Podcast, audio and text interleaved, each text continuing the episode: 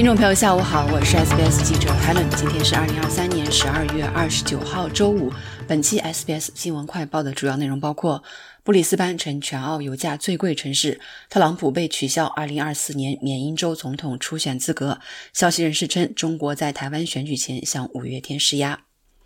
全国道路和驾车者协会对2023年澳大利亚各地汽油价格的分析表明，司机们正在承受世界油价波动所带来的成本上升，但局面的缓解可能就在眼前。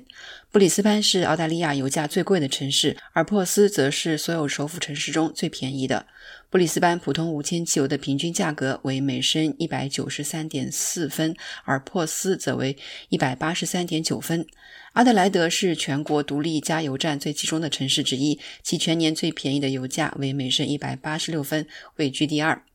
此外，悉尼司机的平均花费为每升一百九十点七分，墨尔本则为每升一百九十一点九分，霍巴特为每升一百九十一点五分。缅因州最高选举官员取消了特朗普在明年总统初选中的州选票资格，成为第二个因这位前总统在2021年美国国会大厦袭击事件中的角色而禁止他参加初选的州。缅因州州务卿民主党人申纳贝洛斯认为，2024年共和党提名的领跑者特朗普在2020年大选中散布选民舞弊的虚假说法，随后怂恿他的支持者于2021年1月6日前往国会大厦游行，阻止投票认证，从而煽动了叛乱。贝洛斯是在州最高法院就此事作出裁决后做出的他的决定。而在周四这一决定作出之前，一群前缅因州议员表示，特朗普应当被取消资格，因为美国宪。法中有一条规定，即如果人们在之前向美国宣誓后参与叛乱或反叛，则不得担任公职。这项裁决只适用于三月的初选，但可能会影响特朗普在十一月大选中的地位。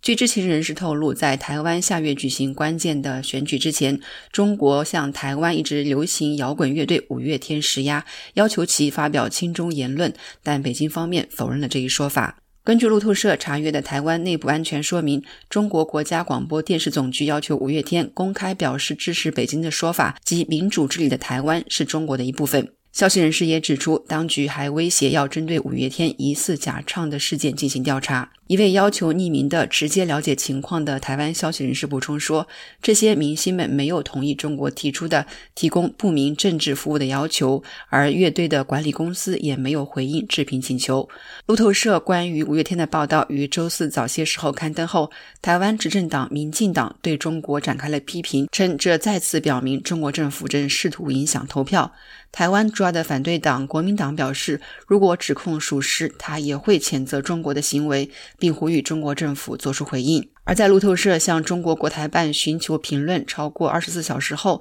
中国国台办发表了一份由台湾媒体转载的声明，称有关中国政府向五月天施压的指控是彻头彻尾的假消息，称是民进党在散布谣言。好了，感谢收听本期的 SBS 新闻快报，我是记者 Helen，欢迎您在苹果播客或 Spotify 搜索“新闻快报”，点击订阅，开启消息提醒，即可了解澳洲国内外新闻及社区信息。